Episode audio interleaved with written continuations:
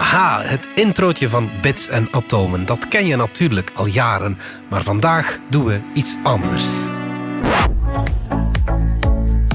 Oeh, leuke beat. Ik ben Pieter van Doren. En het gaat over Pieter. Ik ben zelden geschoren. Maar altijd bij de les. Over elk chemisch proces. Zou Dominique ook komen? Ik ben Dominique Dekmijn. Technologie is een festijn. Technologie. Vergeet die Musk of een Altman. Want ik ben de man die alles kan. Ja, toch wel? La la la. We zijn zo ver gekomen met bits en atomen. Maar nu is het hoog tijd voor wat joligheid. Laat die handjes zien en zing Wij zijn bits en atomen. Bits en atomen. Bits en atomen. Bits en atomen. Elke vrijdag in uw oor. Klinkt geweldig, toch? En geloof het of niet, dit is helemaal ontwikkeld door artificiële intelligentie. En daar hebben we het natuurlijk ook in 2024 over in Bits en Atomen op deze vrijdag 12 januari.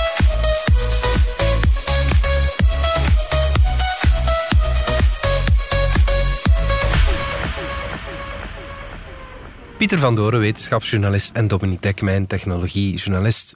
Gelukkig nieuwjaar om te beginnen, Ja, eh, want we zijn eh, terug. Ehm, onze intro klonk niet voor het nieuwe jaar, maar deze week gewoon helemaal anders. Beetje, beetje techno, met dank aan Suno AI. Dat is een eh, systeem dat ons Ja. met verstomming Zullen we maar zeggen, voilà, toen ik dat de eerste keer hoorde, eh, niet specifiek dit nummer, maar toen ik de eerste keer daarmee begon te experimenteren, dan zakte mijn broek daar werkelijk van af. Gewoon omdat we op een jaar tijd, hey, wat Mhm. we vorig jaar hebben gezien, is dat we een gigantische weg hebben afgelegd in, in die, in die taalmodellen. En dan ging het eigenlijk over ja, taal, hè, teksten tekst.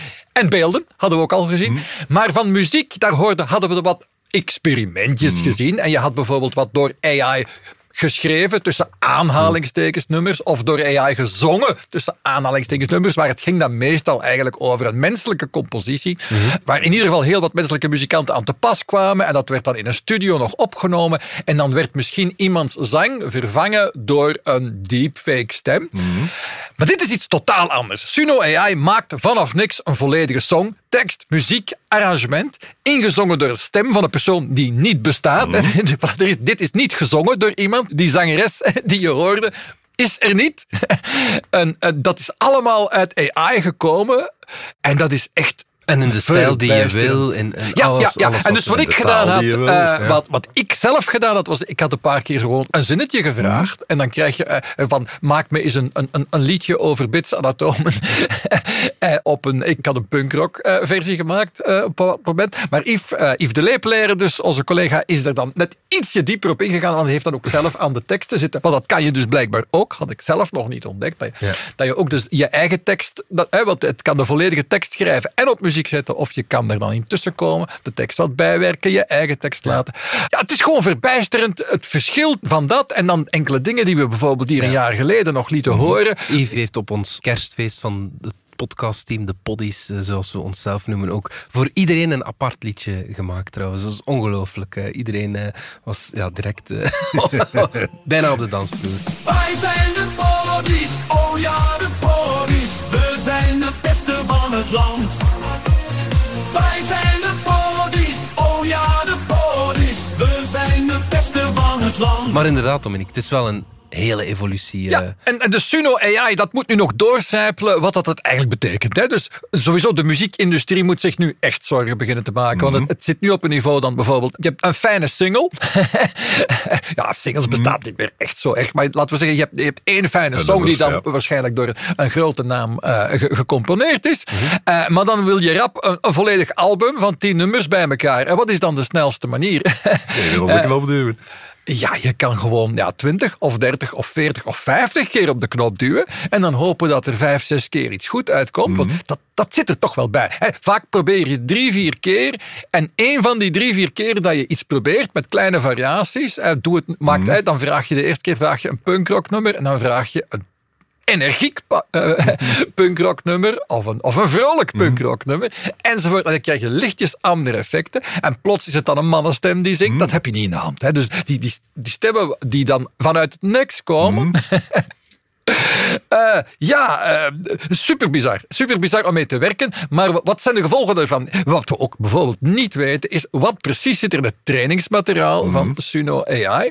En dat heb je met al die AI-systemen, dat wordt ons niet verteld. En een van de redenen dat ze het niet vertellen, is omdat ze niet willen dat een concurrent het namaken. Maar de andere reden dat ze niet vertellen eh, wat ze erin hebben gestoken, is omdat ze dan processen riskeren. Ja, copyright-oorlogen die zijn op Copyright, komst, en hè. die zijn, nee, die zijn al volop bezig. En vlak voor de kerst was er dat grote proces dat de krant de New York Times aanspant Juist. tegen OpenAI, de maker van ChatGPT, over. Ja, jullie hebben onze teksten gepikt. En, en die gebruikt om jullie machine te trainen. En dat mag niet. Waarop OpenAI zegt: jawel, dat mag wel. dat is fair use volgens de Amerikaanse wetgeving. Je mag gewoon alles op het internet pakken en dat gebruiken om je systeem te trainen. Maar, zegt OpenAI dan, wij zijn zo vriendelijk om dat toch niet te doen. Uh, als je nee zegt, zullen we, zullen we je spullen met rust laten. En als je nee zegt en je spullen zijn zo interessant, gaan we misschien eens onderhandelen over een kleine Klein betaling. prijsje, ja. Een prijsje. Een prijsje willen ze nog wel maken. Uh, maar dat doen we eigenlijk alleen maar vanuit ons goede hart, zeggen ze bij OpenAI. Want eigenlijk alles op het internet mag onze machine gebruiken om te leren. Hè. Ze noemen dat dan leren. Want jij mag een boek leren, eh, lezen en daar iets uit leren. Dus als jij Dostoevsky mag lezen en daar iets uit leren en, en daar bijvoorbeeld ideeën uit opdoen voor een eigen boek, ja, waarom zou uh, ChatGPT dat dan niet mogen? Vraagt OpenAI. Dat, dat zou niet, ja. helemaal niet eerlijk zijn. Die mogen ook leren. En heel die discussie moet nog gevoerd worden. En ja, hoe dat de muziekindustrie zal reageren op dingen die zo goed zijn en die dan misschien op hun materiaal getraind zijn. Maar ja, we weten dat niet precies. nee, nee. Ja, een heleboel songs gaan nu snel door de mand vallen. Hè. Als je ziet hoe snel die machine even goede dingen maakt. eh, Wel, maar zijn ze even goed? Dat is, dat is de vraag natuurlijk. eh, want een, een, een artiest beslissen, heeft toch nog bepaalde, net zoals een illustrator ook, bepaalde skills, bepaalde inzichten. Ja, dat- die AI misschien toch nog niet helemaal benadert. Wel, ik, ik kan me indenken nu in ieder geval ehm, dat je als songschrijver in ieder geval eh, als je met een idee zit en je, je komt er niet helemaal, dat je zeker is snel 10 Mm, of 20 zeker of wel, 30 idee- ideeën genereren. En dat zijn dan afgewerkte ideeën die je al kunt horen. En ja, het zijn allemaal clichés. Hè? Mm. Dus alles wat eruit komt is het gemiddelde van het gemiddelde. Hè? Dus dat, dat, dat Heel klinkt, veel songs die nu eh, door mensen gemaakt worden. ja, zijn voilà. clichés. hè. Eh, dat klinkt niet als een topsingle, dat klinkt als het achtste of negende of tiende nummer op een album. Maar dat is precies ook waar ze het voor gaan gebruiken natuurlijk. En af en toe zit er misschien toch iets bij dat toevallig net... eh, Heel veel van popmuziek is natuurlijk ja, Ik zit al gemiddelde. twee weken met een van Yves zijn kerstcreaties in mijn hoofd. eh. wij zijn de poddies. Oh ja, de poddies. Dat was het, dat was het refreintje. Dus wie weet, ja. Hmm. Goed, maar- ja, ook menselijke songs eh, worden soms per toeval een hit. Hè. Dan iemand, Ja, eh, dat is waar. White Christmas wilden ze in der tijd niet eens op single uitbrengen, maar ze dachten dat het gewoon niet verkoopbaar was. Ja, Eh, het is ja. een miljoenen eh, ding geworden. Ja. Ja, ja. Dus ja, na, na dus de door AI of me- een beetje met AI meegemaakte nummers, zitten we nu aan nummers die volledig 100% uit AI gerold komen. En dat is toch wel op, op zo'n korte tijd geweest. Daar moet je toch even bij stilstaan. En ik denk, als mensheid moeten we stil een beetje op adem komen om dat even te verwerken. Want de gevolgen ervan zijn inderdaad eh, helemaal onduidelijk. Ik eh, beveel iedereen trouwens aan om het ook uit te proberen. Dus er is Suno.ai, maar het zit ook ingebouwd, en zo had ik het zelf ontdekt. Het zit gewoon ingebouwd nu in, in Copilot, wat het ja. vroeger Bing Chat is. Dus je vraagt eigenlijk gewoon aan Copilot. Schrijf me eens een liedje over, eh, wat had ik gedaan? Eh, over spekbakken. Had ik, ik had een country rocknummer over spekbakken eh, gevraagd. Dat kwam er, kwam er meteen uit. Rock!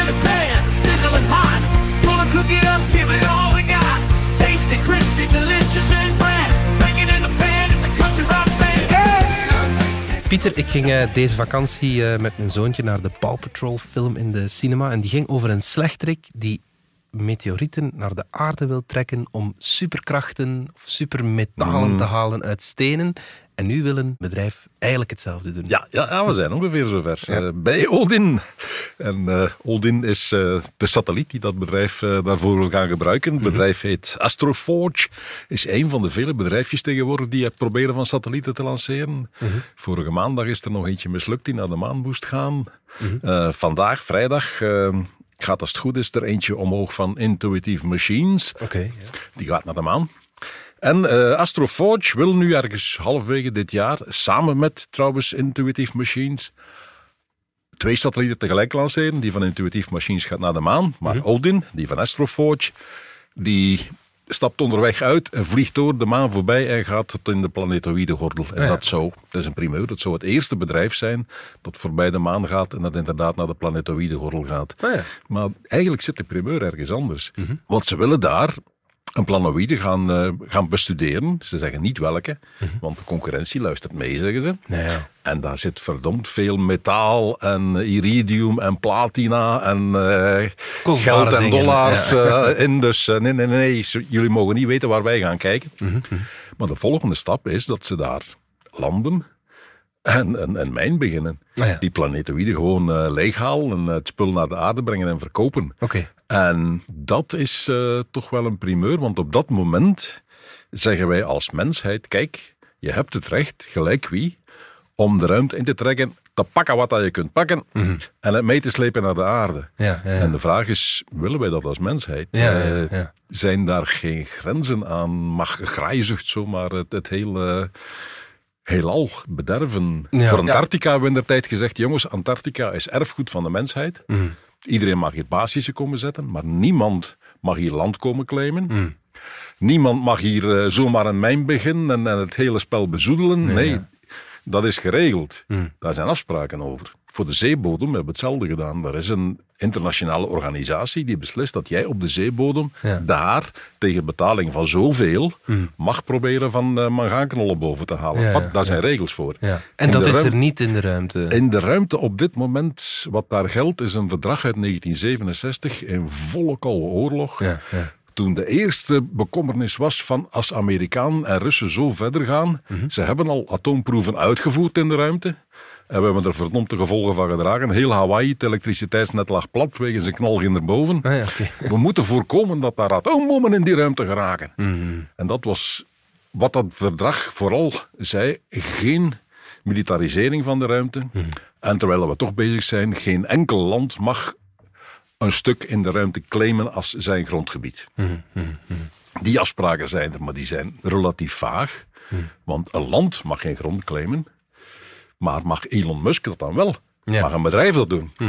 Nu, daar in dat verdrag zit ook dat eh, de landen hun eigen inwoners moeten autoriseren en superviseren. Mhm. Dus uiteindelijk het land van waar de raket vertrokken is, Heeft de verantwoordelijkheid. heeft de verantwoordelijkheid ja. voor wat eh, de gebruiker van die raket ermee uitspookt. Oké, ja. Dan is het nog dubieus. eh, als ik als Belg een eh, raket laat vertrekken vanuit eh, Luxemburg, is dan België of Luxemburg? Ja, oké. En zo verder. Daar, eh, maar ook er zijn dus regels, landen zijn verantwoordelijk dat hun bedrijven geen domme dingen doen. Mm. Maar het verdrag zegt alleen, je mag geen eigendom claimen. Mm. Je mag niet zeggen, dit is mijn grond. Dat wil niet Maar zeggen, eens dat je ja. er staat, sta je er wel. Dan kan niemand anders dan nog staan. Mm, En het zegt ook niks van als je begint te graven en daar eh, spul uithaalt. Dat Ja. is in het verdrag allemaal niet geregeld. En de Amerikanen die zeggen op dit moment, kijk, het is heel simpel. Wat ons betreft, je mag geen claims leggen dat dit jouw grondgebied is, maar voor de rest doe je ermee wat je wilt. En als je het uithaalt, zeggen wij als Amerika, je hebt het recht om het te verkopen in dollars. Geen enkel probleem. Het is ja. jouw eigendom, je mag het naar Amerika brengen. Luxemburg heeft dezelfde wet aangenomen. Ah ja. Luxemburg heeft zelf geen raketten, maar Luxemburg Nee, heeft heel veel hoofdzetels impact eh, van, eh, Ja. van bedrijven. Ja, ja, dat wel. Ja, ja. En de Emiraten hebben dezelfde wet aangenomen en Japan. Er zijn vier landen die zeggen, wat ons betreft, wat je pakt is van jou. Punt. ja, ja. En wie eerst komt, die heeft het. Maar het moet er toch nog blijken of dat economisch haalbaar is. Op de- eh, op- op- want op dit moment, ja, alleen al om tot in die asteroïdegordel te geraken, heb je al een... Het kost eventjes. Hè? Ja, dat, Moet dat je lanceren. Je moet altijd een raket lanceren en dan moet er nog een raket terugkomen. Maar de Ja. eerste lancering zal altijd heel duur zijn. Daarna Ja, wordt ja, het ja. economisch wel er interessant. zijn dat al heeft landen- ook al bewezen. Er hè, zijn nog ja. geen bedrijven, maar er zijn al landen die tot in de eh, planetoïde gordel geweest zijn, al materiaal teruggebracht hebben. Ja, ah ja. Japan, eh, Ryugu, heeft eh, een koffielabeltje materiaal teruggebracht. Het is niet zoveel. De ehm, Amerikanen met eh, Bennu hebben nu een koffiekan aan Ja. materiaal teruggebracht. Ja. En die Bennu-expeditie heeft ongeveer een miljard dollar gekost. Nu moet je even tellen, in veel van die planeten zit iridium. Mhm. Zeer nuttig metaal, gruwelijk duur. Dat kost iets van een, zeg 200.000 eh, dollar per kilo. Oef, ja. Als je even omrekent, dan heb je met 5 ton iridium heb je die hele Bennu-expeditie van dat miljard dollar betaald. Dan wordt het wel interessant natuurlijk. ja. Maar dan moet je ook weer tellen, de huidige wereldproductie is 3 ton. Ja. Als je 5 ton op de markt brengt, zakt de prijs natuurlijk. dus economische voorspellingen zijn heel moeilijk. Ja, en dat soort hoeveelheden, vijf ton, z- zomaar, ja, er rijden geen vrachtwagens eruit. Nee, nee, nee, nee, het is niet evident. Hè? En dan nog terug op de aardbodem krijgen, wat dan door de dampkring toch moet eh, komen. Ja, ja, we zeilen nog lang zover niet. Astroforge heeft nu net eh, een raket gelanceerd met aan boord een oventje en een klomp eh, platina-erts van aarde. En de bedoeling was om in dat oventje het platina uit het erts te halen om te kijken, kunnen we dat doen in de ruimte en zijn er geen rare dingen in gewichtloosheid en zo. Nu, eh, dat ding eh zwalpt er nu rond, eh, is niet stabiel, verliest brandstof, kan zijn zonnepanelen niet uitplooien. Dus vergeet dat, dat hele experiment. Dus we moeten nog afwachten wat een tweede experiment richting die planeet zal meebrengen. Ja. Het is ook allemaal niet zo evident. Vorige maandag nog is gebleken dat eh, een van die lanceringen richting maan eh, ook in, in de brokken geraakt is. Het, het is. Is heel moeilijk, het is duur, het is, ja, het is Ja. rocket science.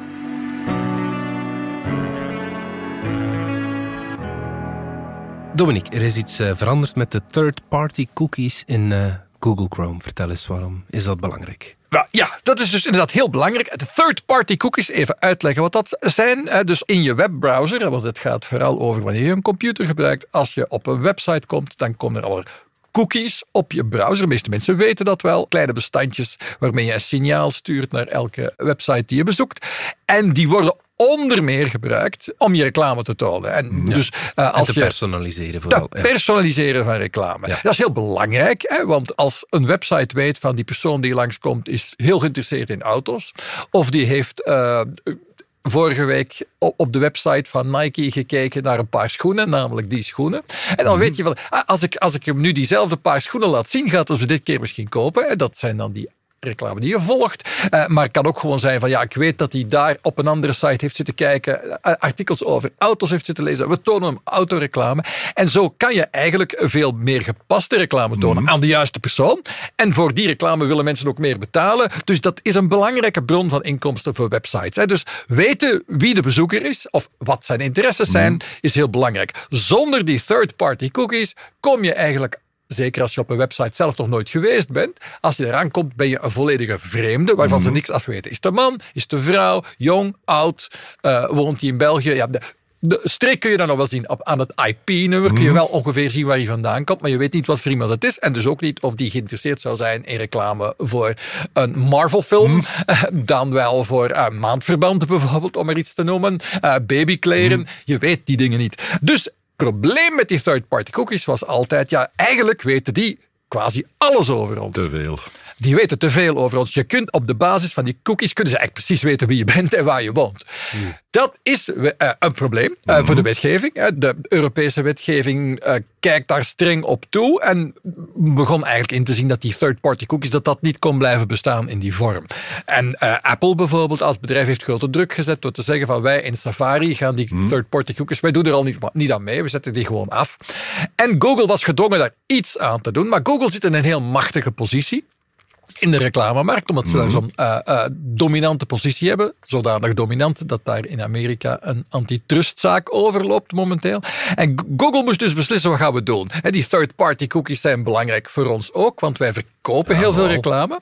Maar we willen ook ja, laten zien dat we de privacy van mensen belangrijk vinden. En ze zijn dan met een idee gekomen. Dat is al enkele jaren geleden. En dat noemden ze de Chrome Privacy Sandbox. Een privacy sandbox. Dus het zit allemaal in een afgescheiden zandbak. En het is helemaal gericht op je privacy. Dus dat is al een goede naam. de privacy, dus third-party cookies die je overal op het internet volgen, waar iedereen eigenlijk tegen was. Behalve de adverteerders, want dat werkte wel. En het was een belangrijke inkomstenbron voor alle websites. die- Behalve degene die puur op abonnementen werken. Maar dus die, die privacy sandbox vervangt die third-party cookie die we beu waren door iets anders dat van Google is. En daar vallen veel mensen over natuurlijk. Want ja, maar, ja, maar als Google dat nu lanceert, eh, ja, dan, eh, dan hebben zij eigenlijk nog meer controle over ons. Want wat er nu zal gebeuren is dus voor 1% van alle Chrome-gebruikers zal het zo zijn dat die third-party cookies standaard af zullen staan. En dat dus de website die ze bezoeken die third-party cookies niet kan zien, niet kan lezen en dus eigenlijk niet weet eh, wie je bent, tenzij je op die website zelf inlogt. Hè? Want de, de traditionele first-party cookie, hè? dus eh, als je op de website van de standaard komt, kan je nog wel een cookie van de standaard krijgen, maar je kan niet meer gevolgd worden op het internet, is het idee. Dus voor 1% van de browsers, van de Chrome-browsers, wat de belangrijkste browser toch nog altijd is wereldwijd, voor 1% van de Chrome-browser zal nu plots, hè, dat is sinds deze week zo, kunnen websites niet meer eh, die, die third-party cookies niet meer zien. Dus als er iemand voor de eerste keer op die website komt, kunnen, weten ze er niks over. Ja. En En kunnen, van, van waar die 1%? Klein beginnen, zullen we maar zeggen. Ah ja, dus zo, dat we ja. zeggen, voilà. eh, eh, En de bedoeling is dat in de loop van dit jaar dat we naar, naar, naar 100% zijn. En dan zijn third-party cookies verdwenen en vervangen dus door die Chrome Privacy Sandbox. En wat houdt dat in? Dat je browser wel weet wat je allemaal gezien hebt, maar dat die informatie niet doorgeeft aan de websites waar je komt. Dus Mhm. Google weet het nog wel, maar gaat aan de website die je bezoekt alleen maar enkele eh, tips geven eigenlijk. Bijvoorbeeld zeggen, wel, hoe het werkt is, de browser zal vertellen aan de website die je bezoekt van kijk, deze persoon, eh, ik kan je niet zeggen waar hij vandaan komt, maar ik kan je wel zeggen, hij houdt van auto's. En het is iemand, voilà, het is, het, het is een jonge persoon die van auto's houdt. Maar de volgende keer kom je op een andere website en dan zal hij zeggen van, hij volgt de fietscompetitie, de wielercross, en hij is ook wel bezig met Muziek, muziek. ja. Dat soort dingen. En niet dezelfde dingen. Dus telkens met elke website deel je dan een klein stukje van je identiteit eigenlijk heel veralgemeend. En dat is het idee. Maar iemand weet nog alles. En dat is dan Google. En daarom ja, is er nogal wat vrees. Bijvoorbeeld in Engeland vindt men nu dat dit juist... Google is dat zijn monopolie misbruikt. En zo zit natuurlijk Google eigenlijk een beetje tussen twee vuren. Hè? Want aan de ene kant, ja, eh, die cookies in Chrome die, die brengen onze privacy in gevaar. Maar als het vervangen door iets anders dat van hen is, en, of vooral van hen is, dus ze proberen dat een beetje te delen, maar ja, dan weet, is eigenlijk Google nog de enige die alles over ons weet.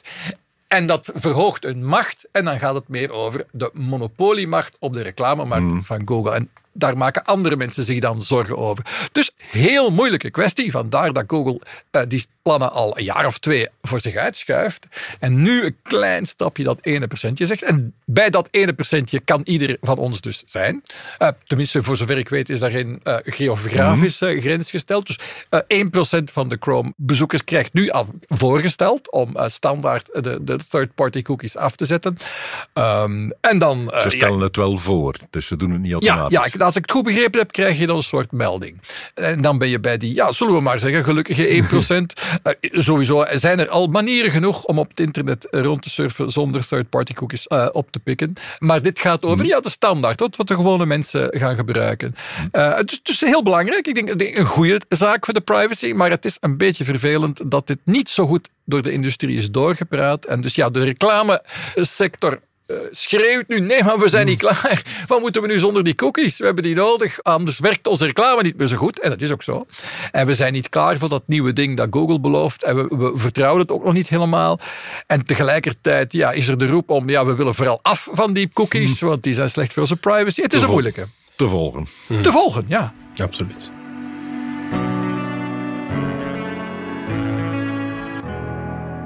Pieter, terug eh, naar de ruimte. Als je naar daar trekt, dan gooi je maar beter je biefstukken en kipfilets overboord. Hè? Ah, ja, alles is duur in de ruimte. Alle gewicht weegt daar. eh, Alle energie moet gespaard worden. Dus eh, we weten allemaal dat vlees veel meer grondstoffen en energie vraagt dan het gras dat de koeien eten. Ja. Dus in de ruimte moeten we het vooral doen met gekweekte planten. Het zal niet anders kunnen. Dus ja, we moeten dan zorgen dat we toch een plantaardig dieet hebben dat eh, ons eh, voedt en alles geeft wat we nodig hebben. Want vlees heeft wat dat betreft ook een aantal voordelen. Dus je moet goed kijken wat dat je dan aan eten eet. Dat eten moet je ergens eh, kweken, dat moet je ergens vandaan halen. Het is allemaal niet zo evident. En nu is er een onderzoeksgroep die heeft dus bij de NASA opgevraagd wat een astronaut nodig heeft. Want dat is niet helemaal hetzelfde als zomaar een gemiddelde mens. In de ruimte verlies je heel veel calcium. Dus eh, jouw dieet zal meer calcium moeten hebben dan normaal. Je hebt dan meer calorieën nodig, dus dat moet ook aangepast worden. Ehm, je moet oppassen met te veel ijzer.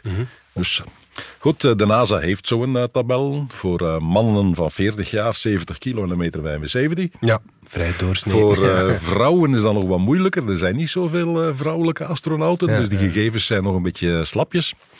Dus eh, wat ik nu vertel is doorgerekend voor deze mannen. Mhm.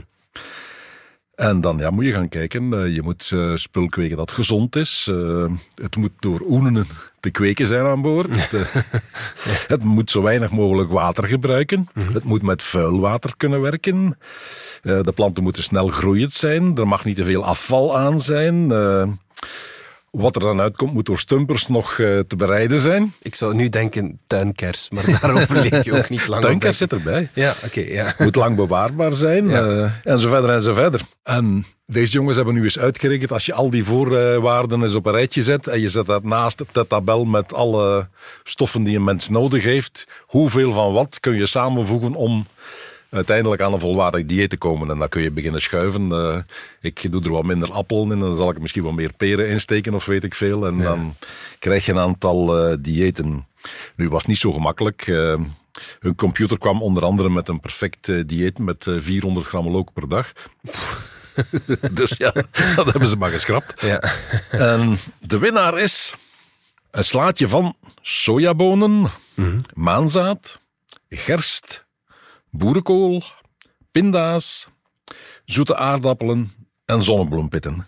Oké, Plus een paar pilletjes voor nog een paar eh, micronutriënten die je anders niet voldoende krijgt. ja, ja. En ja. dat alles samen is het ideale dieet volgens de computer. Maar dat kan je toch niet kweken in de, in de ruimte? Zoete aardappel bijvoorbeeld? eh, Wel, dat is een van de problemen inderdaad. Ze hebben eh, voor deze berekening hebben ze 32 verschillende plantaardige stoffen gebruikt. Ja. Ze hebben zelfs in sommige recepten ook eh, tonijn en zalm Mhm. erbij gestoken in blik. Moet van de aarde aangevoerd worden, maar het, ja, tuurlijk, het is ja. te leuk en te nuttig. Dus toch maar eens proberen wat dat zou geven als we dat erbij steken.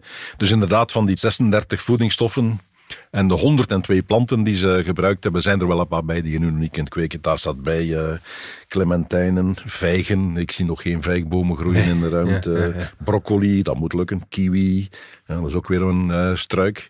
Olijven, pepermunt, haver, mango. Allerhande bessen, pompoen, tomaat. Sommige daarvan kun je in kassen kweken, maar inderdaad eh, nog niet alles. Ja. Maar het is een begin. Ja, Hoe meer je al aan boord kunt kweken, hoe minder je nog moet meenemen. ja, ja, absoluut. Ja, de vraag is, dat slaatje van daarnet, is dat lekker? Klinkt niet slecht, vind ik, maar ik zou er nog een mosterdsausje of zo bij overgieten. Dat ga je moeten meenemen. En voor wie absoluut toch eh, dierlijke eiwitten wil, er is eh, recent ook een eh, test geweest met watervlooien. Ah ja. Je neemt vuil water dat je toch hebt, je stopt er algen in en je laat de watervlooien de algen eten. En jij mag de watervlooien eten. En eh, het is getest in een raket van Jeff Bezos. En die watervlooien groeien inderdaad ook bij gewichtloosheid. Geef mij maar vegan dan of vegetarisch.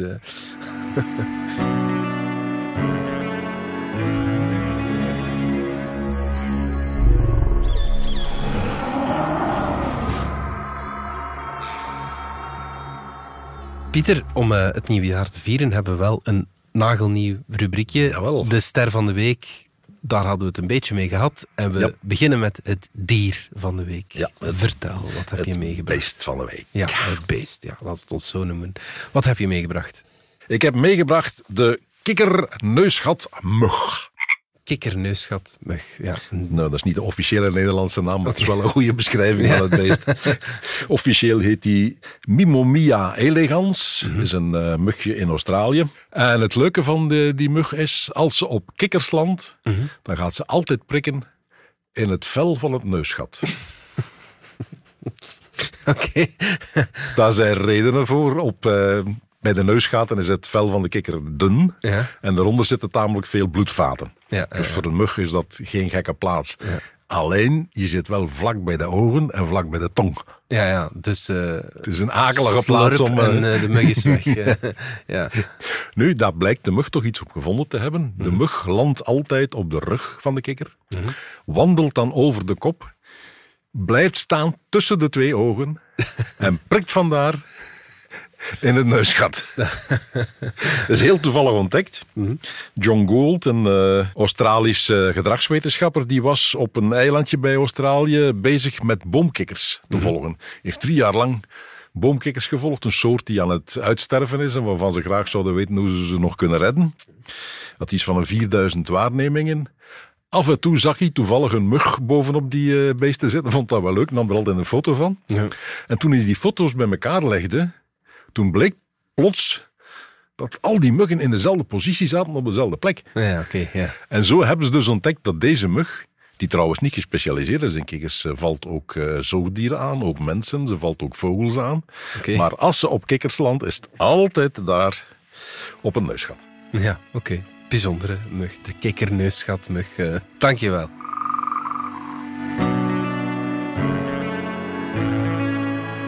Dit was Bits en Atomen. Bedankt voor het luisteren. Volg ons op Spotify, Apple Podcasts of eender welk ander podcastplatform. In onze gratis app DS Podcast kan je niet alleen ons werk beluisteren, maar ook de beste podcasttips met zorg geselecteerd door onze redacteur Max de Moor. Alle credits van de podcast die je net hoorde vind je op standaard.be-podcast. Reageren kan via podcast.standaard.be. Volgende week zijn we opnieuw.